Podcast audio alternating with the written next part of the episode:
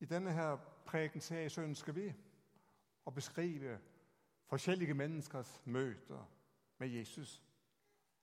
Og de var forskjellige. Fordi mennesker er forskjellige, og fordi situasjonen var forskjellige. Men han møtte dem alltid med nåde og sannhet. Han møtte dem der de var. Og hvert møte hadde kraften i seg til å forvandle et liv. Forny et liv. Gi ny kraft til å komme videre. Det som er så spennende når du leser disse gamle beretningene, så er det selvfølgelig fortid. Og samtidig så er det nåtid. Det er slik du skal lese Bibelen.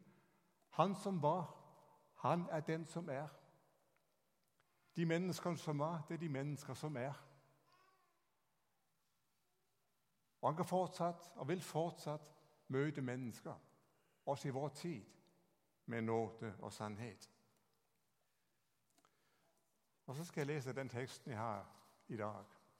Men ta disse tanker med inn i den. Vi skal til Lukas evangeliet, kapittel 19, vers 1-10.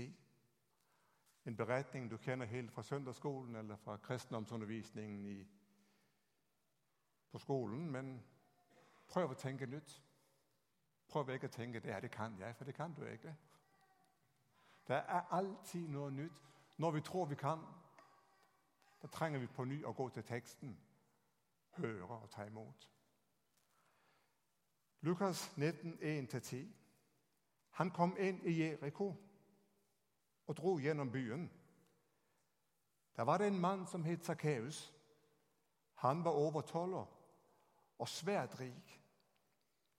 Han ville gjerne se hvem Jesus var. Men han kunne ikke komme til for folkemengden, for han var liten av vekst. Da løp han i forveien og klatret opp i et morbærtre for å få se ham på et sted hvor han måtte komme forbi.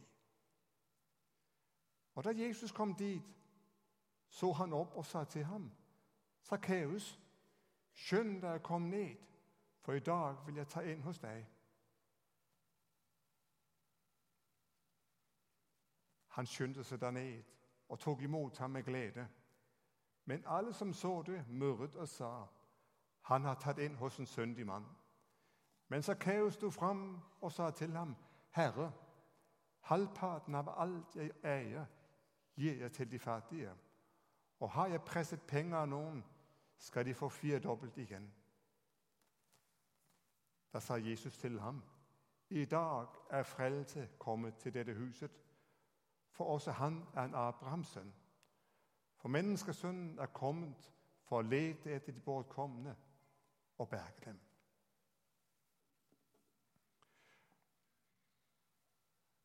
Når jeg leser Sakkeus, og når jeg har lest Sakkeus, så tenker jeg her har vi et menneske.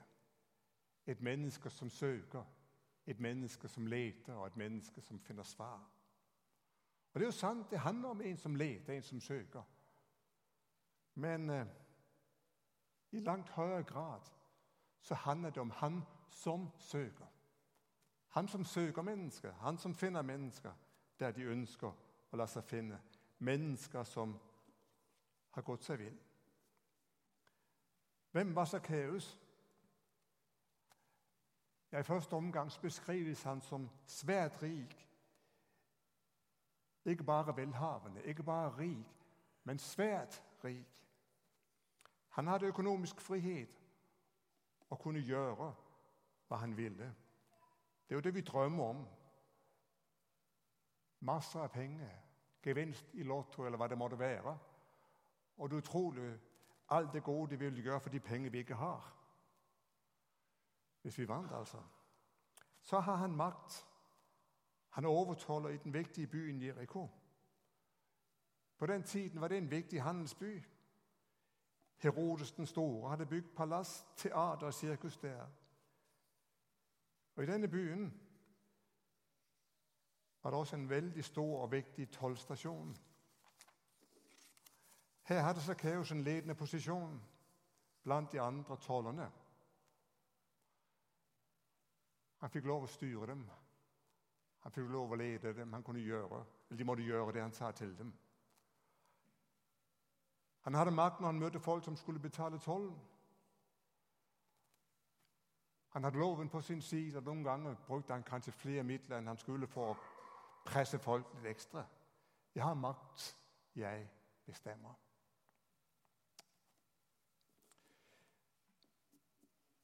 Det her det hendte i min lille hjemby for mange år siden. Min far var inne omkring en radioforhandler. Og På den tid så var båndopptakeren helt nytt. Det er noen som vet hva en båndopptaker er? ikke sant? Jo, det var to. Men eh, en av byens direktører hadde lånt en slik maskin med hjem for liksom å prøve om det var noe han kunne bruke. Og Etter et par dager så kom, den, tilbake, kom den tilbake. Og Da radioforhandleren setter den på, så viser det seg at direktøren har talt noe inn som han har glemt å slette. Og Så sier den direktøren 'Jeg er verdens hersker'. Jeg er verdens hersker. Og Selvfølgelig kan du le av en slik dumhet, ikke sant? Men vi ønsker jo å styre, vi ønsker jo å bestemme. ikke sant? Kan vi dirigere litt her, kan vi dirigere litt der, så er det så praktfullt. Tenk å kunne få mennesker til å gjøre presis det jeg vil. Sånn var det for Sakkeus, for det var han som bestemte. Han hadde solgt seg til okkupasjonsmakten for å få denne posisjonen. Veien til rikdom og makt hadde kanskje gått på bekostningen av integriteten. Han hadde solgt seg selv. Hvordan det sosiale livet var for ham, det vet vi lite om. Men eh, de fleste de likte ham ikke. Men Kanskje var han sammen med de likesinnede, og kanskje var han helt, helt alene fordi han var høyt på strå. I flestes øyne så var han en såkalt stor synder. Jeg har lurt på Sakkeus, hvorfor ble du den du ble? For Hvert menneske har jo sin historie. Du har din, jeg har min. Og den historien preger oss på godt og ondt. Der står ikke noe om det hos Lukas, men eh, jeg har gjettet litt ut fra en liten setning. Det står der. Han var liten av vekst. Han var liten av vekst. Kanskje har han slitt med et mindreverdskompleks i livet. Jeg er mindre enn alle de andre. Jeg lever ikke opp til standarden. Vi lever i et statistikksamfunn. Ofte så regner man ut gjennomsnittet. Det er gjennomsnittshøyde, det er en gjennomsnittsvekt, det er en gjennomsnittslønn, det er et gjennomsnittsforbruk. Det er gjennomsnitt på familiestørrelse så videre. Og For noen så er det vanskelig å være annerledes enn gjennomsnittet. Man opplever seg rengere, man opplever komplekser. Kanskje har Sakkeus vært et mobbeoffer. Mobbing er et stort problem. Det er det egentlig i alle generasjoner, i alle sammenhenger. Og så har det antatt nye former i vår tid. En elevundersøkelse fra 2016 opplever 6,3% av elevene at de blir utsatt for mobbing. Ca. 40 000 elever i norske barne- og ungdomsskoler. Men mobbing er ikke et nytt fenomen. Det har funnet sted til alle tider. Og Når jeg tenker igjen min skoletid, så var det mye mobbing der òg. Til og med fra lærerens side. Noen ble utsatt for det igjen og igjen. Og jeg ser ansiktet for meg og tenker 'stakkars mennesker'. Og kanskje Sakkeus har opplevd det. Det bevisste du lille Sakkeus. Eller det tankeløse 'Hvor gammel er du, lille venn?' Eller når familien snakket, når ikke de trodde han hørte det, blir han aldri større. Eller hva skal du bli når du blir stor, Sakkeus? Det er så mye som kan så sitt barnesinn som er med på å prege oss resten av livet og de valg vi tar. Og likevel, uansett hva vi møter, så er vi aldri fritatt for ansvar for våre egne valg. Og Samtidig kan det bære skylden for at vi velger, som vi velger. Men jeg tror det var slik for Sakkeus. Kan jeg ikke bli stor slik, så kan jeg bli stor på andre områder. Penger, makt. Jeg skal vise dem hvem jeg er, hvem jeg kan. Og han nådde sine mål. Rent økonomisk så ble han blant de aller største. Han fikk den makten han ønsket. Om man skulle tro Sakkeus, da må du være tilfreds. Nå har du vist alle hvem du egentlig er, hva som bor i deg. Og så opplever han en skrikende tomhet. Det er noe som mangler. Egentlig så var jeg skapt til noe annet. Som toller så møtte han mange mennesker. Og De siste årene var det spesielle røkter som hadde kommet igjen og igjen. De handlet om en spesiell mann fra Nasaret. Han møtte mennesker på en spesiell måte. Det var en kraft i ham til å gjøre syke friske, til å gi mennesker et nytt liv, en ny kurs. Og Røktene de vokste. Flere og flere hadde møtt ham. Og I første omgang så oppstår det en form for nysgjerrighet hos Sakkeus. Det hadde vært spennende å møte han. Og etter hvert den lengsel. Han må være svaret på det jeg lenges etter. Og så skjer det store en dag. Mannen kommer til byen. Jesus er der. Og da har han et stort ønske. Jeg vil gjerne se hvem Jesus er. Og Den drivkraft han hadde brukt for å komme frem i livet, den bruker han opp på å få et syn av mannen fra Nasaret. Han lar seg ikke stanse av hindringer. Og selv om folkemengden fyller, så er han oppsatt på det ene jeg må få se ham. Og øh, det er egentlig spennende å se hvordan noen mennesker i Bibelen, tross alle hindringer Vi må ha kontakt. Vi må ha kontakt med denne Jesus fra Nasaret. Et annet sted til leser vi om en kvinne, en kanadiske kvinne som har et sykt barn. Hun kommer med sin nød til Jesus. Og Tilsynelatende kan det virke som om Jesus avviser henne. Men hun holder fast. Og Jesus roser henne for sin store tro. Bartimaeus, en annen som møtte Jesus ved Eriko, denne blinde tiggeren, som blir avvist av disiplene eller de nærmeste. Han råper enda høyere. 'Jesus, du Davids sønn, forbarm deg over meg.' Han lar seg ikke stanse. Og den samme innstillingen har Sakkeus. Om ikke jeg kan trenge igjen mengden, så må jeg få se ham. Og Jeg tror Gud setter pris på denne innstillingen. Mennesker som for alt i verden ønsker å få kontakt med ham.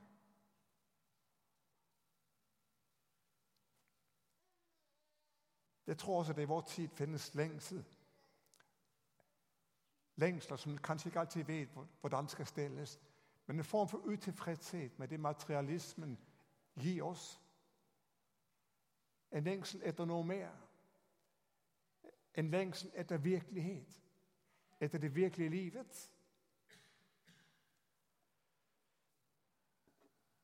Sangeren eller sangerinnen Sinead O'Connor hun har sagt som rase føler vi oss tomme. Det er fordi vår åndelighet er visket bort, og vi vet ikke hvordan vi skal uttrykke det. Et resultat er at vi blir drevet til å fylle tomrommet med alkohol, narkotika, sex eller penger. Men folk skriker etter sannheten. Og Den lengsel finnes òg her hvor vi bor. Den finnes i vår tid. Og Egentlig så er folk veldig interessert i personen Jesus. Men man har problemer med å etterfølge, som John Lennon sa. Ofte kan vi som menighet stå i veien for den. Men lengselen, den finnes. det var Sakkeus. Den andre personen, hovedpersonen i denne beretningen, det er jo egentlig Jesus.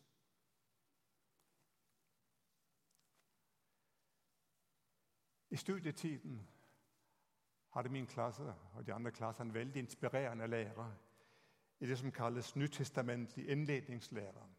Da går man hjem de forskjellige skrifter i Det nye testamentet.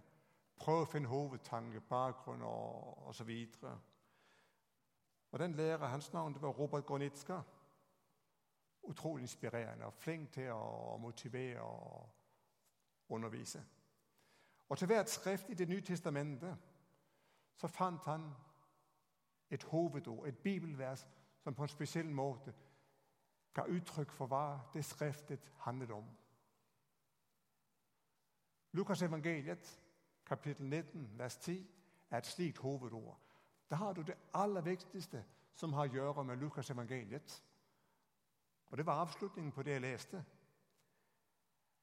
Menneskesønnen er kommet for å lete etter de bortkomne og berge dem. Der er Lukas evangeliet. Menneskesønnen er kommet for å lete etter de bortkomne og berge dem. Og Hvis du leser det evangeliet, så vil du se her presenteres på en spesiell måte de store syndere. Kanskje ikke større enn oss, men det man mente var de store syndere. Folk som var utstøtt, folk som hadde problemer. Det er her du har fortellingen om den bortkomne sønnen. Og mange andre. Menneskesønnen er kommet for å lete etter det bortkomne og berge dem. Og Det jeg har lyst til å si til deg her i formiddag Hos Gud så finnes det en lengsel etter fellesskap med mennesker. Salme 42 handler mye om menneskets lengsel etter Gud. Men det taler også om Guds lengsel etter mennesker. Og vers 8 så står det Dyp råper til dyp. Dypet i mennesket råper etter Gud. Og dypet i Gud råper etter fellesskap med mennesker. Denne kjærlighet og dype lengsel er drivkraften i Jesu tjeneste. Og så må jeg si jeg er veldig begeistret for de gamle salmene. Jeg ser det var en til det var det. De har en dybde som har overlevet fra generasjon til generasjon. Jeg blir mer og mer begeistret for dem. Kanskje kan drakten virke litt gammeldags melodimessig, men det er utrolig mye bra i disse salmene.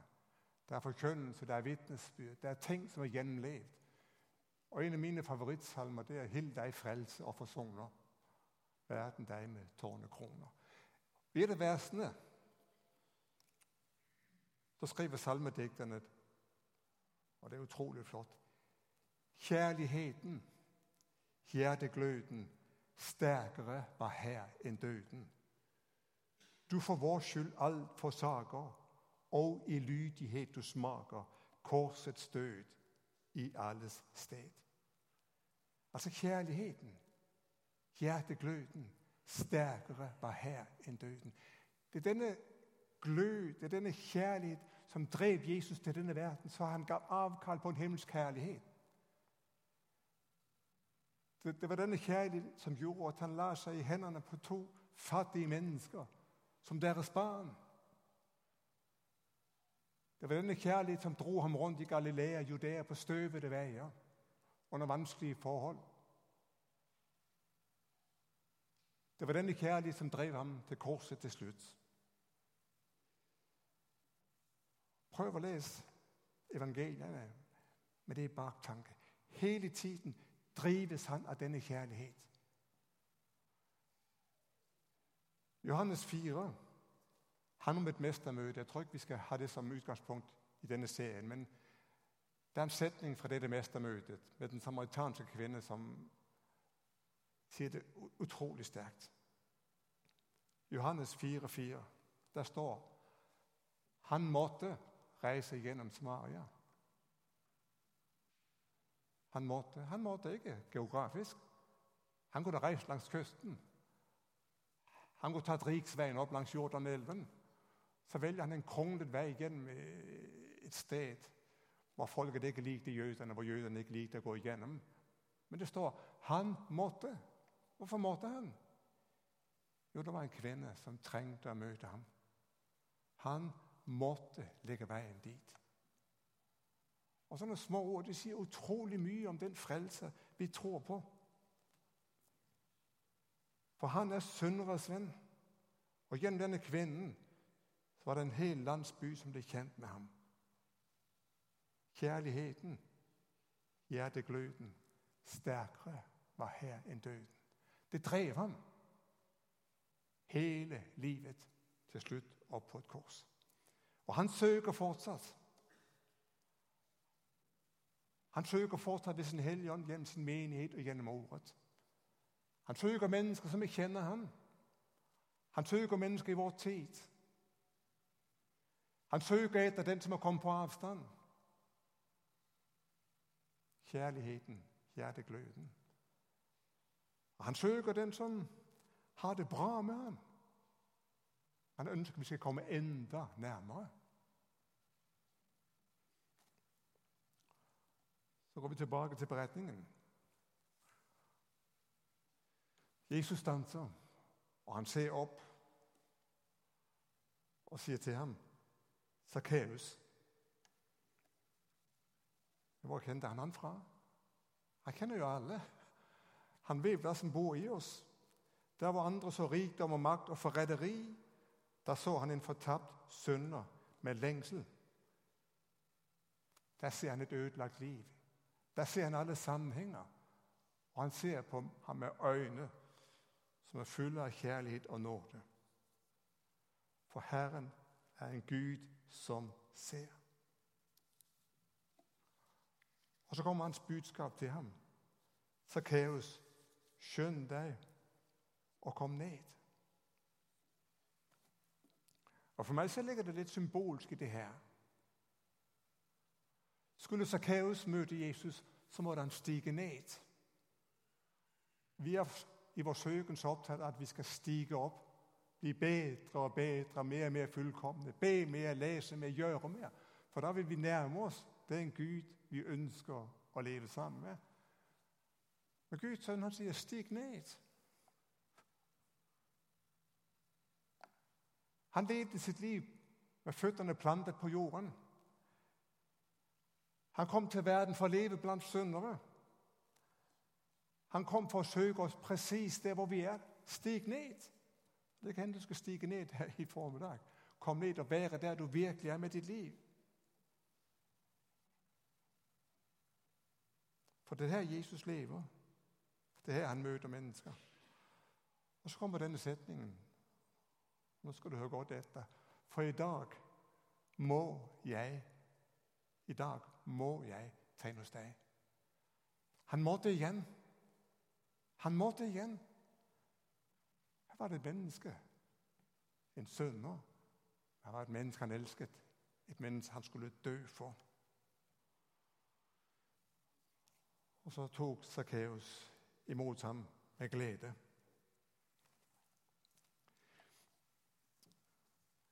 Det som kanskje er problemet for Sakkeus, han rekker ikke hjem og forbereder fruen på at hun skal ordne med, med maten hvis han var gift. Det andre problemet han rekker ikke rydde opp før Jesus kommer hjem. Noen ganger når du kommer på besøk hos folk, så beklager han. vi, er dessverre ikke fått ryddet. Altså, vi, vi, hadde, hadde vi visst du kom, så men det er jo ikke noen som kommer uanmeldt i dag, er det det? Det kunne man gjøre før i tiden. Ikke sant? Hadde lyst til å komme, så, så gikk du bare og besøkte folk. Nå må du avtale her. Lenge, lenge på forhånd, så skal de se om de har tid til å ta imot. Det var bare en parentes, men det er jo slik det er. Yes. Men uh, Sakkeus reiker ikke hjem. Han reiker ikke å, rydde opp der hjemme. Han reiker ikke å få gjemt bort avisene. Han reiker ikke å få gjemt bort regnskapene. Men Jesus ble med. For han går inn i livet presis som det er. Skjønner du? Presis som ditt liv er i dag, så kommer han og sier i dag så må jeg gjeste ditt hjem. I dag så må jeg gjeste deg. For jeg ønsker å møte deg med nåde og sannhet. Hvis Jesus skulle vente til vi hadde fått ryddet opp i livene våre, renset ut Hvis han skulle vente til vi hadde fått styr på absolutt alt Jeg tror han må dra forbi og besøke noen andre. I dag må jeg gjeste ditt hjem. Så opplever vi Sakkeus som en forvandlet person. Tenk, det er en som vil spise sammen med meg. En som vil dele måltidet, vil dele sitt liv. Det er en afrikansk kirkeleder som sa for ikke så lenge en synder det er et menneske som spiser alene. Nå opplever Sakkeus at Jesus setter til bords, deler livet, deler måltidet, deler fellesskapet. Når de har sittet en stund, så reiser han seg så sier han, 'Herre, halvparten av hva du eier, gir til de fattige.' 'Og har jeg presset penger av noen, skal de få firedobbelt igjen.' Hendene som har vært knyttet om makt og penger, de åpner seg. Han blir gavmild. Han deler ut. Han ønsker å gjøre opp. Han ønsker å vise barmhjertighet.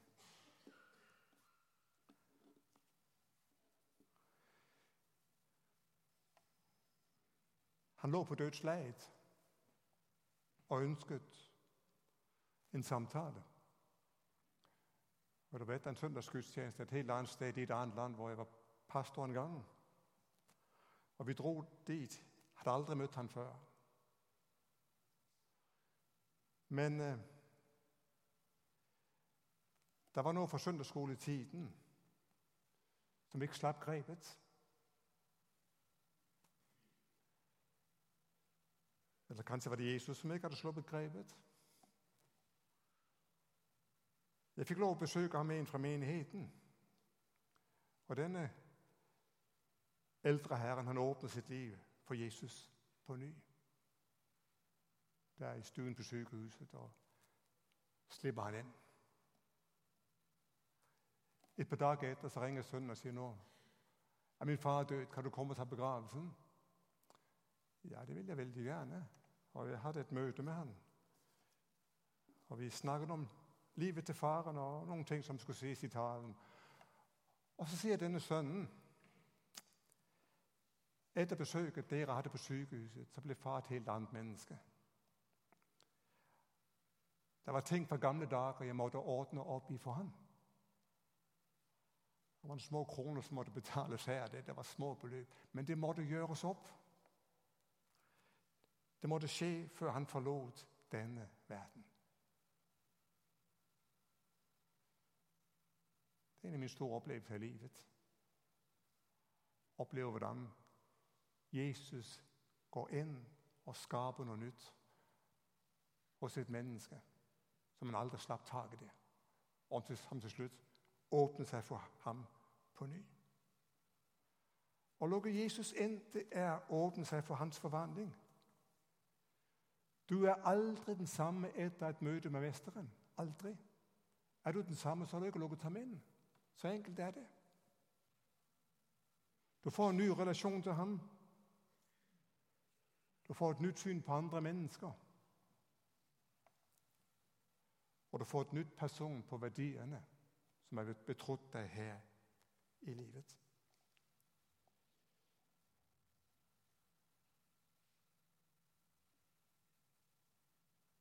I 1. Korinterbrev kapittel 1 vers 9 beskriver Paulus hva det vil si å være en kristen.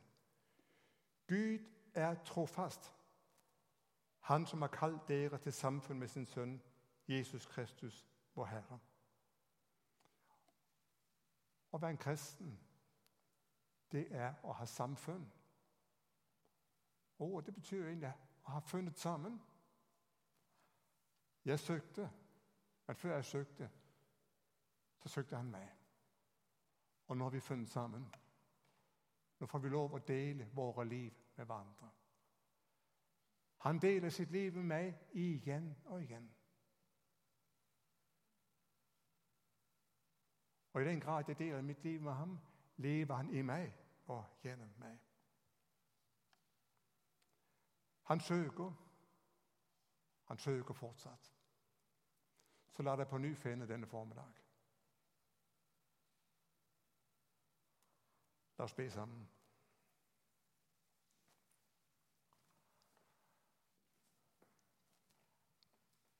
Herre, takk for at du er iblant oss og vil ha ordet virke.